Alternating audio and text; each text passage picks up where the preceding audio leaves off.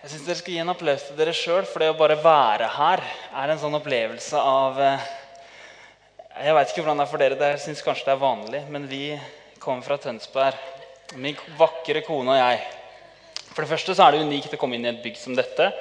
Det ser litt annerledes ut enn Tønsberg frikirke, hvor det er lov av 140 personer. Eh, men ikke minst også det fokus og de handlingene som kommer ut fra dette huset, er en ære å få lov til å smake litt på, lukte litt og beundre nærmere. Jeg heter Kristoffer og er eh, den lykkelige mannen som er gift med min beste venninne. Eh, beste venn i og for seg også, eh, som heter Anette. Hun sitter her. Dere kan gi henne en kjempeapplaus. Takk skal dere ha. Så spontant av dere. Eh, eh, det er fantastisk å være her. Vi beundrer denne menigheten. Vi eh, jobber til daglig som Jeg jobber som en av to pastorer i Tønsberg frikirke. Med fokus på ungdomsarbeid og etter hvert barn- og familiearbeid. Og Anette, min fantastiske kone, hun har i tillegg til å Jeg er veldig stolt, som dere kanskje skjønner. Jeg gifta meg opp Eh, det er jeg veldig glad for. Og er veldig takknemlig for, eh, for å stå sammen med henne i det arbeidet der. Der er vi med å lede ca. 200 fantastiske tenåringer som eh, ønsker å følge Jesus. I hvert fall de fleste av de, stort sett. Men det er veldig, veldig bra. I tillegg så er jeg med å lede en festival som heter Get Focused. Og gjennom Get Focused så har vi fått koble med Impuls. Derfor har jeg vært her noen ganger. Jeg kjenner mange kjente ansikter både fra Trondheim og Stavanger og diverse rundt forbi. Så det er stort å få lov å være her. Tusen takk for at vi fikk komme. Og tusen takk for at vi fikk være her på en dag som denne. Kirkens i hvert fall nesten-fødselsdag. Det er veldig, veldig bra. Temaet i dag er 'formidlere av liv'. Og På en dag som denne så må vi stille oss spørsmålene hva handler vi om? Hva handler Kirken om? Hva handler kollektivet eller fellesskapet om hva er kjernen i det vi som kirke skal gjøre. Jeg vet ikke hvordan det er for deg, men, men jeg husker tilbake på en lærer på ungdomsskolen som het Jorunn Sandvik. Jorunn Sandvik hun var en som Finn Kolsnes, som gjorde noe med mennesker når hun møtte folk. Og jeg gikk, selv om det sikkert ser veldig Eh, utenkelig ut for dere bak dette fantastisk sjarmerende og uskyldig ytre ansikt, eh, så var vi en bøllegjeng på den kristne skolen jeg gikk eh, i 5. klasse. En del av dere som kjenner at vi begynner å få sympati med han der oppe allerede. Vi hadde fem forskjellige klasseforstandere i løpet av ett år. Og vi ble kalt århundrets verste klasse. Det, vi, og vi jobba for den tittelen. Det skal jeg love dere. Men så skjedde det noe da vi begynte på ungdomsskolen og Jorunn ble klasseforstander. Hun hadde hørt ryktet, hun hadde sett disse unge karene med altfor mye energi og for få løpebaner. Hun hadde hørt om, og hun hadde helt sikkert også møtt på oss. Men det var noe med henne som gjorde at når vi fikk en ny klasseforstander, så retta vi oss opp i ryggen. Vi som hadde hatt et image som bråkebøttene, som de menneskene som ikke akkurat formidla liv eller formidla håp, men som formidla destruksjon. Vi fikk andre perspektiver, fordi i møte med henne, som trodde på oss, så begynte vi å tro på oss. Kanskje har du en eh, ungdomsskolelærer eller en tenåringsleder eller en fotballtrener som du kan huske tilbake på. Kanskje pappaen til en venninne eller pappaen til en venn som når du var rundt han, så fikk du litt mer tro på deg enn hva du hadde i utgangspunktet. Det sies at selvoppfatning er ferskvare og formes i møte med de personene vi møter. Det er et enormt privilegium og en enorm mulighet som vi har. Husker du, husker du denne fotballtreneren? Håndballtreneren? Klasseforstanderen? Hva var det de gjorde med deg? Hva var det som gjorde at du retta deg opp i ryggen? Hva var det som gjorde at de formidla liv?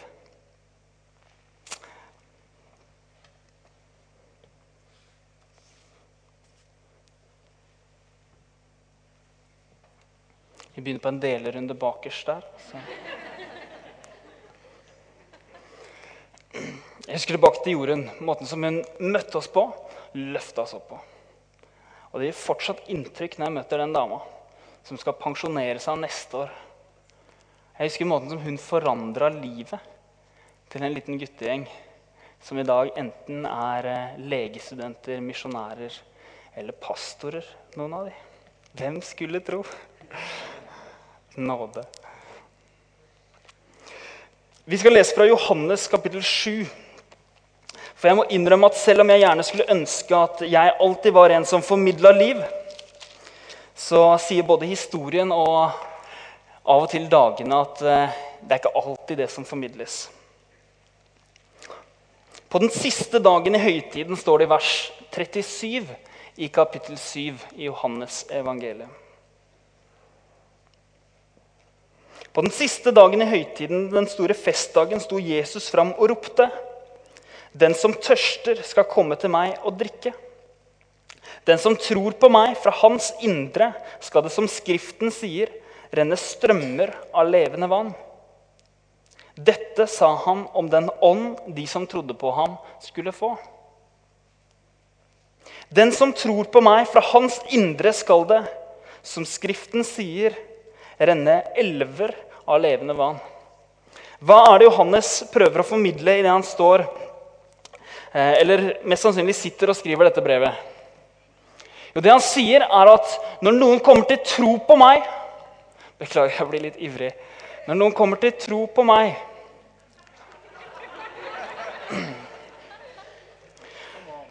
Takk skal du ha. Så skal jeg sørge for at du skal kobles på en brannhydrant. Sånn at fra magen din, fra ditt indre, skal det være som om strømmer eller som elver av levende vann fosser ut av deg. Jeg kan få et amen. Takk skal dere ha. Samme spontaniteten som bare fortsetter å velle fram. Fra ditt indre skal det renne strømmer av levende vann. Hvor mange her er som kjenner seg som meg, at det ser heller litt ut som en litt sliten hageslange en gang iblant? Og dere vet hvordan det er når sommeren er kommet og det er 27 grader i Stavanger. ikke sant? Det er jo ekstremtilstander. Det var så vidt de sendte ut ekstremvarsel. Det leste jeg på vg.no i dag. 27 grader, en liten, ung gutt på den tiden med søte, blonde krøller. Fem år eldre enn lillebror skulle leke litt. Vannslangen sto. Det var ikke mye futt inn, men det ble enda mindre futt inn når pappa kom og knakk slangen. Av og til må jeg si at det livet som strømmes ut, er mer som en litt dårlig hageslange når unge Stokke var litt for utfordrende med lillebror. Er det noen som kjenner seg igjen? Hvor er livet hen? Vi skal snakke litt om hva som forhindrer liv, men også litt om hva som formidler liv.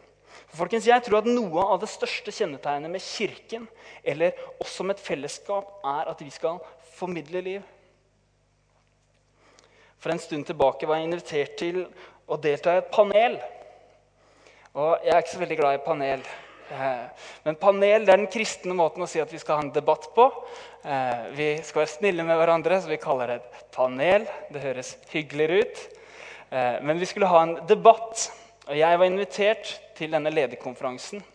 Hvor temaet som skulle debatteres eller samtales om, var hvordan skal vi forholde oss til åndelige fornyelsesbevegelser i 2011, som det året var. Og jeg tenkte det er en perfekt mulighet for meg for mine da 26 år å komme med noe dyp åndelig innsikt og visdom. Takk for at det bare var noen av dere som lo. Jeg hadde trodd jeg skulle liksom fosse over med latter her. Men jeg er takknemlig for at dere skjønte at Ja, i hvert fall. Eh, vedkommende som ringte meg, sa det at vi kan tenke oss at du stiller i panelet. Flott, tenkte jeg. Dette blir bra. Eh, men sånn litt for kort fortalt for å introdusere deg for hva vi skal snakke om, så skal vi eh, Vi skal på en måte ta opp om vi skal velge Hillsong eh, eller om vi skal velge Redding. Jeg tenkte ja, det kan jeg ha noen betraktninger rundt. Og, og forresten så vil vi at du skal representere Redding. Jeg tenkte ja, jeg har gifta meg med ei som har gått på bibelskole der, da, men det var jo interessant å bli satt i den båsen. Så det gikk lite grann, og jeg tenkte hva i all verden skal jeg si? Hvordan skal det her ha seg? For selv om jeg liker både Hills og jeg er i og for seg ganske interessert i Redding, så er det svært få av mine tenåringer i Tønsberg frikirke som bryr seg så veldig mye om noen av de. Bortsett fra lovsangstimene, selvfølgelig. Og når alt kommer til alt, så er jo jeg egentlig norsk, da. Hadde vært greit med noen fornyelsesbevegelser her òg, tenkte jeg. Det skulle fortsatt være noen uker til denne konferansen. Eh, og Noen dager etterpå denne henvendelsen så fikk jeg en e-post fra min svoger, eh, som spiller i, eh, i, Jesus Culture, som er et lovsangsteam som, som spiller i, i, Reading. Han er gift med Anettes søster. Eh, og De gleda seg til vi skulle komme over der og ha litt familietid. Spurte om vi hadde lyst til å bo med dem. Jeg tenkte wow, det var stas. Det blir hyggelig. Eh, men så lurte vi på hva skal vi gjøre der borte. Og så hadde jeg vært inne på noen nettsider, og, og sånn, og så forsto jeg det at eh, Hillsong United skulle ha en konsert i San Francisco, som er bare ca. 3-3,5 timer unna. Eh, i løpet av den tida. Så jeg spurte Jeffrey som han heter, om han kunne tenke seg å, om vi skulle dratt på den konserten. For vi har jo hørt om Hillsong United. Og han sa ja, det, det, kan vi gjøre. Jeg kan sikkert skaffe billetter, for vi er gode venner med dem. Så jeg tenkte Det var da veldig så jeg fortsatte researchen min litt da, på min eh, fantastiske eh, PC. Unnskyld, Mac.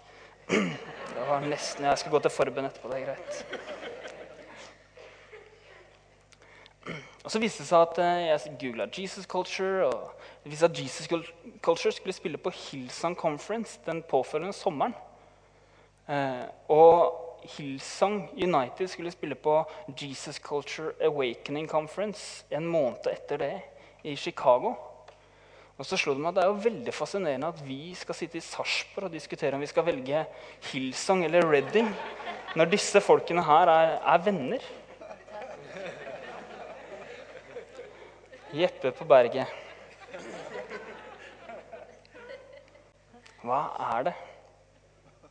Så jeg måtte stille meg spørsmålet hva er det som gjør at norske tenåringer bruker titalls tusener av kroner og ett til tre år av sine liv på å reise verden rundt for å sitte under undervisningen enten til Bill Johnson i Redding, California, eller Brian Houston i Sydney, Australia.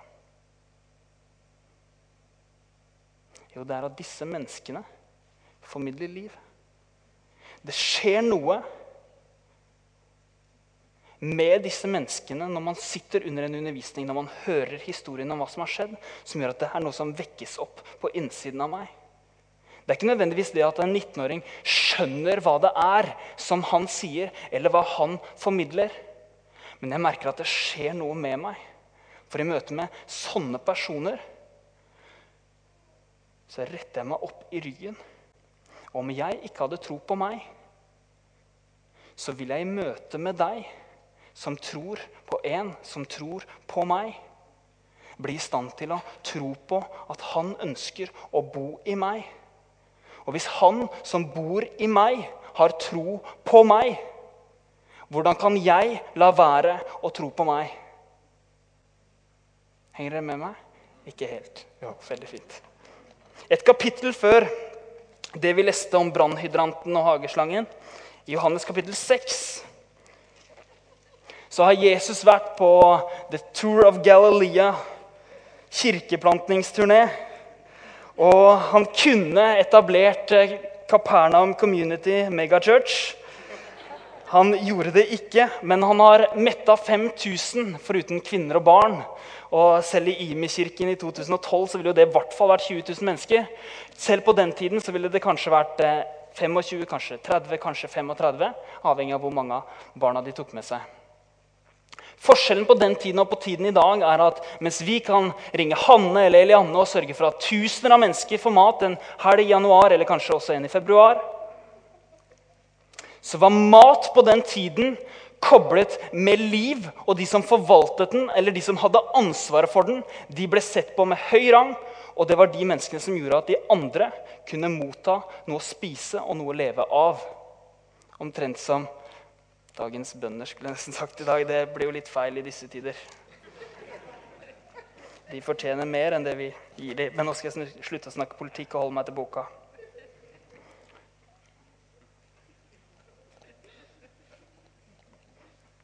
Jesus hadde gjort vann til vin og fem fisker og to brød, eller motsatt.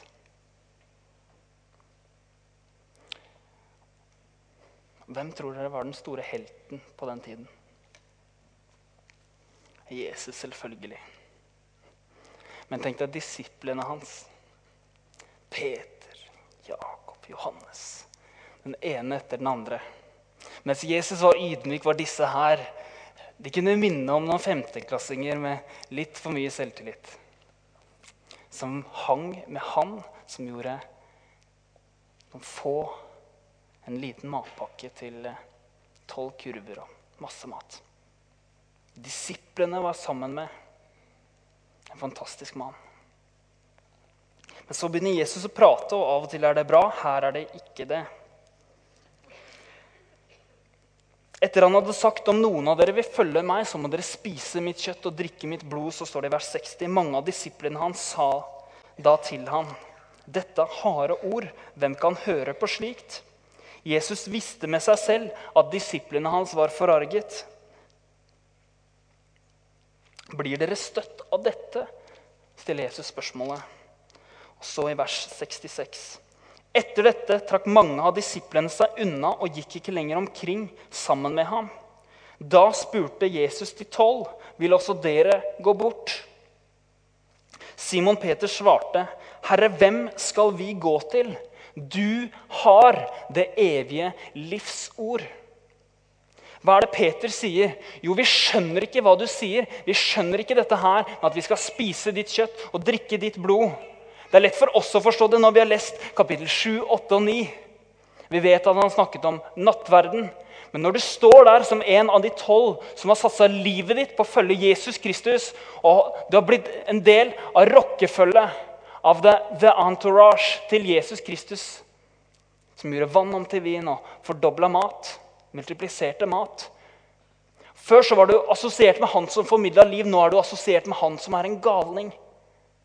Identiteten din er blitt forandra, og Peter sier, 'Jeg skjønner ikke hva du sier.' 'Jeg har ikke forståelse for hva du er.' Men når du snakker, så skjer det noe på innsiden av meg. Og det ønsker jeg, og det er jeg villig til å omfavne. Det at ikke jeg forstår. For jeg merker at livet plantes i meg. Som en klok mann sier, av og til må vi oppgi vår rett til å forstå for å kunne motta den fred som overgår all forstand. Men Peter sa altså, 'Du har det evige livs ord', i vers 69. Og vi tror og vi vet at du er Guds hellige. Vi tror og vi vet at du er Guds hellighet. Hva er det jeg sa jeg skulle snakke litt om hva som forhindrer liv? Jeg jobber og har jobba i åtte år med en ungdomsgruppe eh, vi begynte med 40 tenåringer. Eh, og i dag er det en, en gjeng på 200-220 stykker. Hvor 50 eh, av de er fra Tønsberg frikirke. Hvor 30-40 av de kommer fra en annen kirke i byen eh, som vi samarbeider med, en pinsemenighet. 50-60 kommer fra statskirkefamilier hvor det ikke er noe ungdomsarbeid i menigheten de går i. Og resten, 40-50 stykker, kommer fra helt, helt ikke-kristne bakgrunner. Og For noen få uker siden så hadde vi hatt konfirmasjonsgudstjeneste, og en av foreldrene sendte en mail i etterkant og sa eh, familien til er en salig blanding av eh, praktiserende kristne, mer eller mindre troende agnostikere, noen ateister og en gjeng med andre som ikke vet hva de er troende til. Men det å være på den konfirmasjonsgudstjenesten og det å se hva som har skjedd med Iselin, som hun heter, gjennom de siste årene, hvordan hun har blomstra som person, hvordan hun har retta seg opp i ryggen, hvordan skolearbeidet hennes er forbedra Det har gjort inntrykk på oss, og vi kan ikke fornekte det. Tusen takk for denne dagen. Hva er det som formidler liv, og hva er det som forhindrer det? Da jeg satt og forberedte meg til denne, så tenkte jeg på hva er det som i all verden er det som gjør at noen mennesker kan bestemme seg for at vi har lyst til å bygge et bygg med 1300-1400 plasser. Det er jo, som vi sier på østlandsk, ganske breialt. Det er ganske råtøft.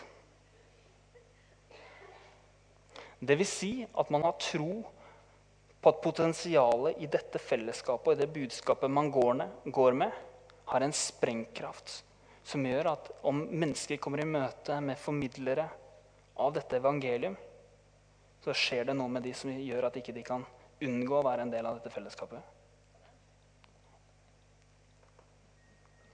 Så hva er det som forhindrer? Jeg har jo jobba med kristent ungdomsarbeid og har noe erfaring. For jeg tror kan forhindre det. Punkt nummer én. Jeg er ikke noen sånn fire punkter for fred i Midtøsten-taler. Så jeg har virkelig jobba for å få ned fire punkter her. Jeg håper dere kjenner dere både beæra og at det virkelig er lagt flid eh, i dette. Så punkt nummer én kan dere si Nei, det var tenåringer som gjorde sånn. Er kristen mindreverdighet?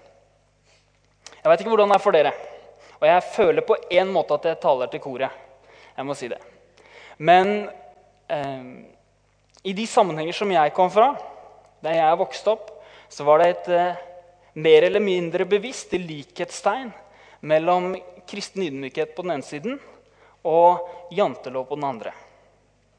Og Jo mer kristne man var, jo mer krumma rygg og bøyd hode hadde man idet man gikk til gudstjeneste. Hvis man hadde hatt, så var det enda bedre. Og Jeg vokste opp i den troen at hvis jeg skulle bli en god kristen, så måtte jeg vandre ydmyk med min Gud, som det står i Mika kapittel 6, vers 8. Hva ønsker Herren? Hva krever Han? At du skal gjøre rett, elske rettferd og vandre ydmyk med din Gud. Og jeg tenkte ja, det er greit. Jeg er ydmyk. Jeg må jo si at jeg har jo oddsa mot meg da, å være fra Østlandet og i tillegg liksom ha litt for mye energi. Dere skjønner hva jeg mener? Nei, kanskje ikke. Men så har det slått meg, så lurer jeg på hvorfor og hva er det som gjør at vi tror at kristen åndelighet og at kristen ydmykhet er det samme som å gå med krumma rygg, når Jesus tilsynelatende i evangeliene går med svært oppreist en.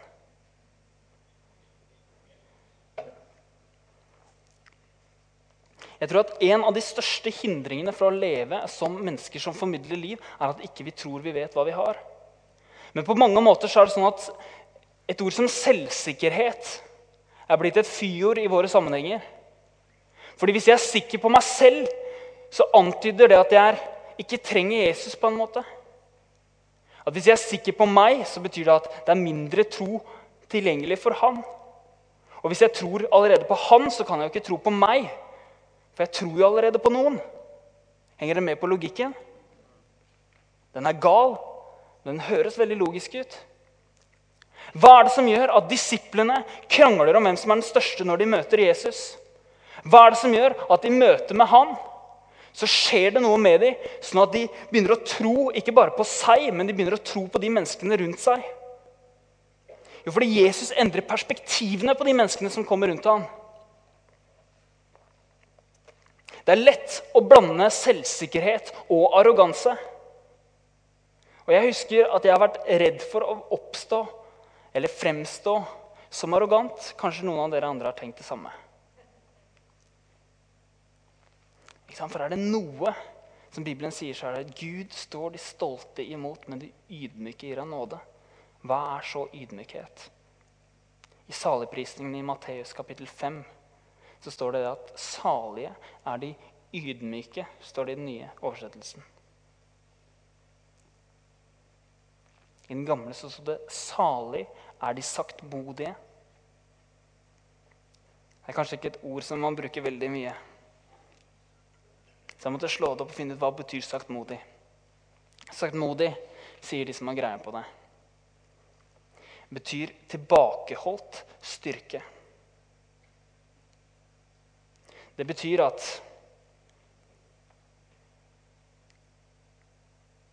Marianne eller Elling eller Martin eller hvem det måtte være som kan ha mer tyngde enn andre, enn meg, velger å tilbakeholde sin styrke fordi man ønsker å løfte andre fram.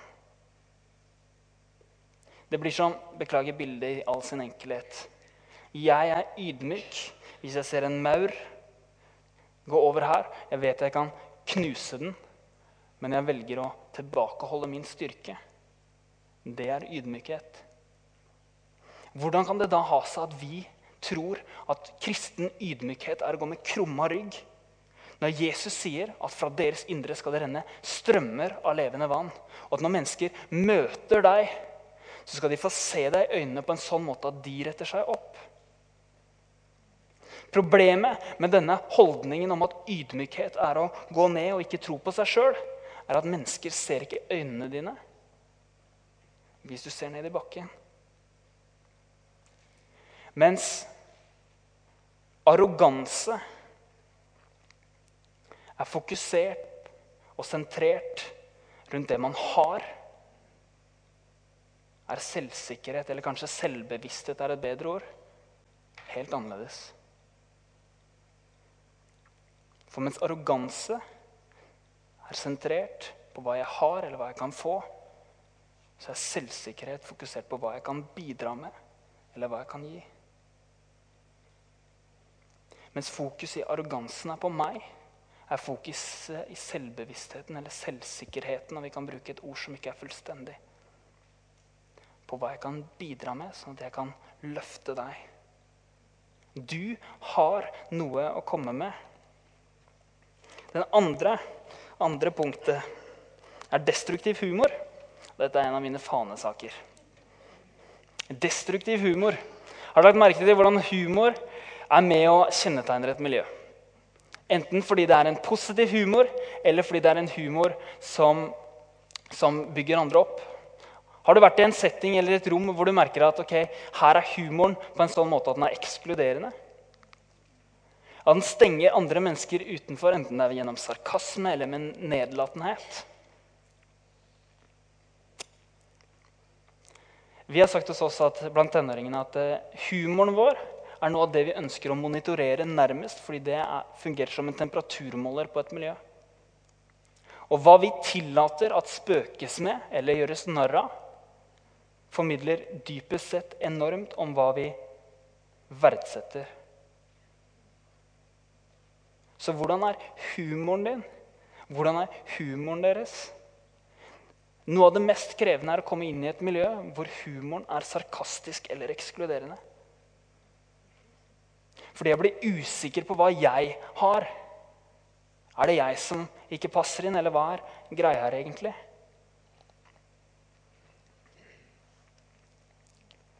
Punkt tre manglende tilgivelse.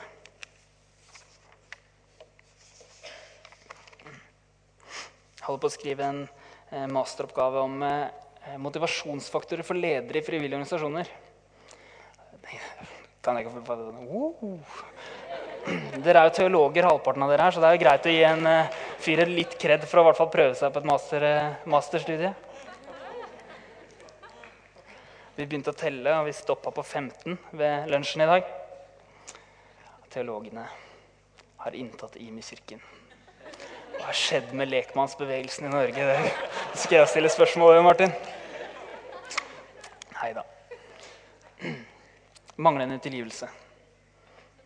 Jeg jobba åtte år i kristen ungdomsarbeid. og Noe av det som har blitt tydeligst for meg, det er at det er naivt å tro at i et frivillig arbeid så vil du klare å møte alle menneskers behov og det har slått meg det at Som pastorer, enten heter Egil Elling eller heter Martin, så vil man såre enkeltpersoner. Og Det har blitt så tydelig for meg at den beste måten som du kan, kan kommunisere at man trenger å tilgi noe, det er å spørre om en samtale og si 'Jeg trenger at du ber meg om tilgivelse'.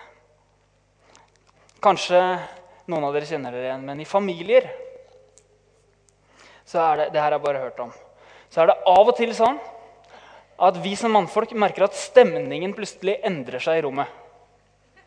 Det var fort kjempehyggelig, og så endrer stemningen i løpet av et sekund eller i løpet av et minutt. Og så er det ikke det at, er helt, eller det er ikke det at de er helt borte. Men man merker liksom at her er det noe jeg har gjort, eller som oftest noe jeg ikke har gjort, som gjør at stemningen i dette rommet endres. Vi må jo si at vi har hatt noen sånne runder hvor du har skjønt, og jeg ikke. Og så går jeg rundt og så lurer jeg på Kjære Gud, altså, hva er det jeg har gjort nå? Eller oftere, hva er det jeg ikke har gjort, som jeg burde gjort, men som jeg ikke har gjort fordi jeg ikke skjønte at jeg burde gjøre det? Hva er det som skjer? Og da er mitt budskap til alle dere kvinner som er her i dag, på kirkens fødselsdag, fra alle oss mannfolk Vi skjønner ikke hva dere prøver å formidle. Takk skal du ha.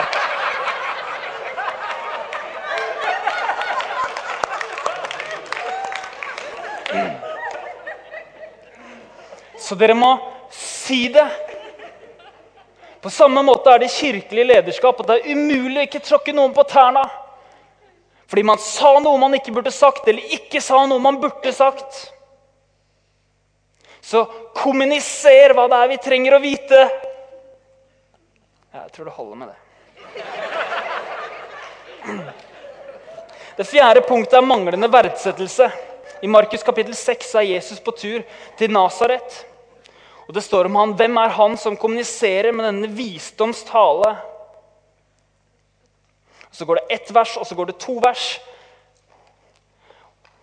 Og De har anerkjent han fordi han kommer og formidler liv på en sånn måte at de ikke har hørt denne undervisninga før. Det er noe han kommuniserer som gjør noe med dem. Og så kommer spørsmålet Men er ikke dette Maria og Josefs sønn?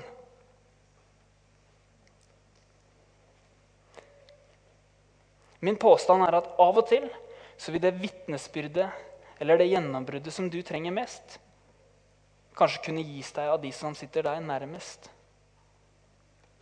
I ordspråkene kapittel 25 vers 2 så står det at det er Guds ære å holde en sak skjult, men kongers ære å ransake den. Hva betyr det? Jo, det betyr at det er vårt ansvar i en situasjon hvor Gud av og til holder noe skjult, ikke fra oss, men for oss Sånn at vi kan vite at vi kan betale en pris for det. Sånn at når vi kommer på andre siden, så kan vi ikke bare verdsette gjennombruddet, men vi kan verdsette personene som var med å bringe det. Av og til så er det lett å komme på et møte som det her med en viss grad av forventning. Og så kommer man på en konferanse som den til her eller kommende uke med Mark Stibby og John Arnott med en helt annen grad av forventning fordi man har hørt vitnesbyrdene eller hørt historiene. Men hva om vi istedenfor å komme på disse møtene her med en forventning som varieres, er med å innstille hjertene våre på at vet du hva, uansett hva du sier, så ønsker jeg ikke først og fremst å vurdere du som står der, eller vurdere den lovsangen som kommer, eller vurdere de historiene som blir formidla, men jeg ønsker å maksimere de. Jeg ønsker å kunne være med å ikke vurdere eller evaluere menigheten min, men jeg ønsker å være med å maksimere og bygge opp under menigheten min. Jeg ønsker ikke å evaluere eller vurdere menneskene som er rundt meg, men jeg ønsker å maksimere de menneskene som er rundt meg. Jeg ønsker ikke først og fremst å devaluere de menneskene som jeg møter, eller den undervisningen som jeg hører, men jeg ønsker å underbygge. Det er så enkelt å undergrave, mens tilliten, eller Guds rikes prinsipper, er å underbygge. Hva er det som formidler liv? Jeg bestemte meg for at i dag så ønsker det her bare å være en, en bursdagsfeiring av Den hellige ånd. En ære av Den hellige ånd.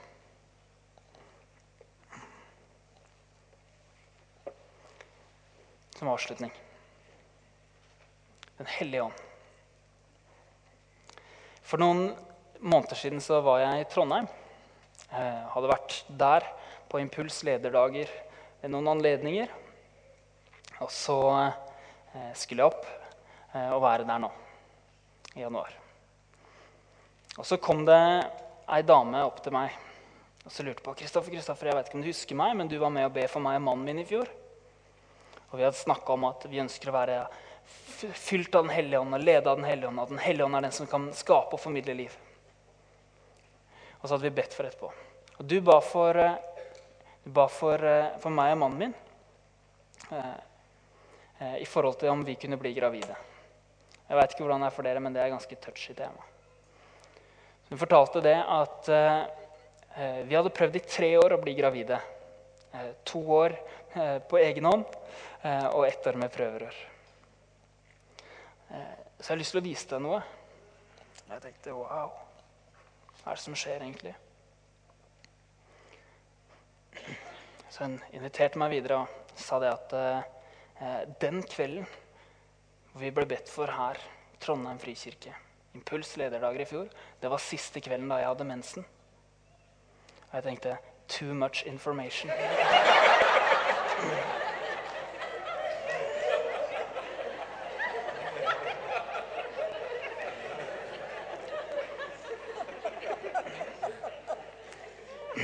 Men jeg satte på stålansiktet som vi lærte på sjelesorg.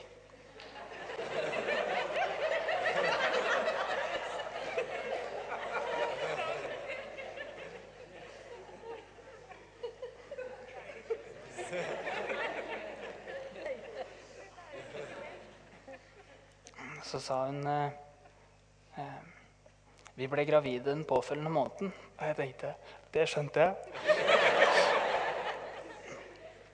så jeg lurte på om du kunne tenke deg å være med ut på gangen. Jeg ble med ut på gangen, og der sto det en liten barnevogn. Jeg tenkte Håper det er noe i den. Hun tok meg med bort. tok opp vogna og sa, 'Her er Jonathan'. Det betyr 'sendt fra Gud'. Gave fra Gud. Jeg tenkte hm. Hvis vi er kalt til å være formidlere av liv, så har du tatt det ett nivå høyere, Gud. Hva er det handler om? Jo, det handler om å koble seg på. Det handler om å unngå de knekkene. Det handler om å vite at om han tror på meg, så er det ikke arroganse å tro på meg. Fordi jeg tror at jeg vet at uten han har jeg ingen grunn til å tro på meg. Folkens, alt er nåde. Det er ikke sånn at nådegaver er noen ting. Men det er nåde at jeg puster, det er nåde at jeg lever, det er nåde at jeg har blitt skapt. det er nåde at jeg får... Det skjønner hva jeg mener? Nåde over nåde. Og det er nåde at vi får lov til å leve. Det er nåde at vi får lov til å formidle liv, det er nåde til at vi får lov til å gå i liv, og det er nåde at vi får lov til å omfavne livet. Så la oss koble oss på La oss fjerne hindringene av kristen mindreverdighet, av destruktiv humor, av manglende tilgivelse og av manglende verdsettelse. La oss rette oss opp, fordi vi ser i øya på Han at Han kaller oss til å vandre ydmykt, ikke vandre krumbøyd. Men noe av det største underet i evangeliet var at en mann kunne gi sitt liv for at vi skulle kunne formidle det til andre. La oss be. God himmelske Far, jeg takker og jeg priser deg for at din plan for oss er større enn vår forhåpning til dette livet. God himmelske Far, jeg takker deg for at det er nåde over nåde. Far, jeg takker deg for at kristen ydmykhet ser ut som verdighet. Far, jeg takker deg for at kristen ydmykhet ser ut som verdighet. Lær oss å holde styrken tilbake, men gi oss styrke i utgangspunktet. I Jesu navn. Amen. Amen.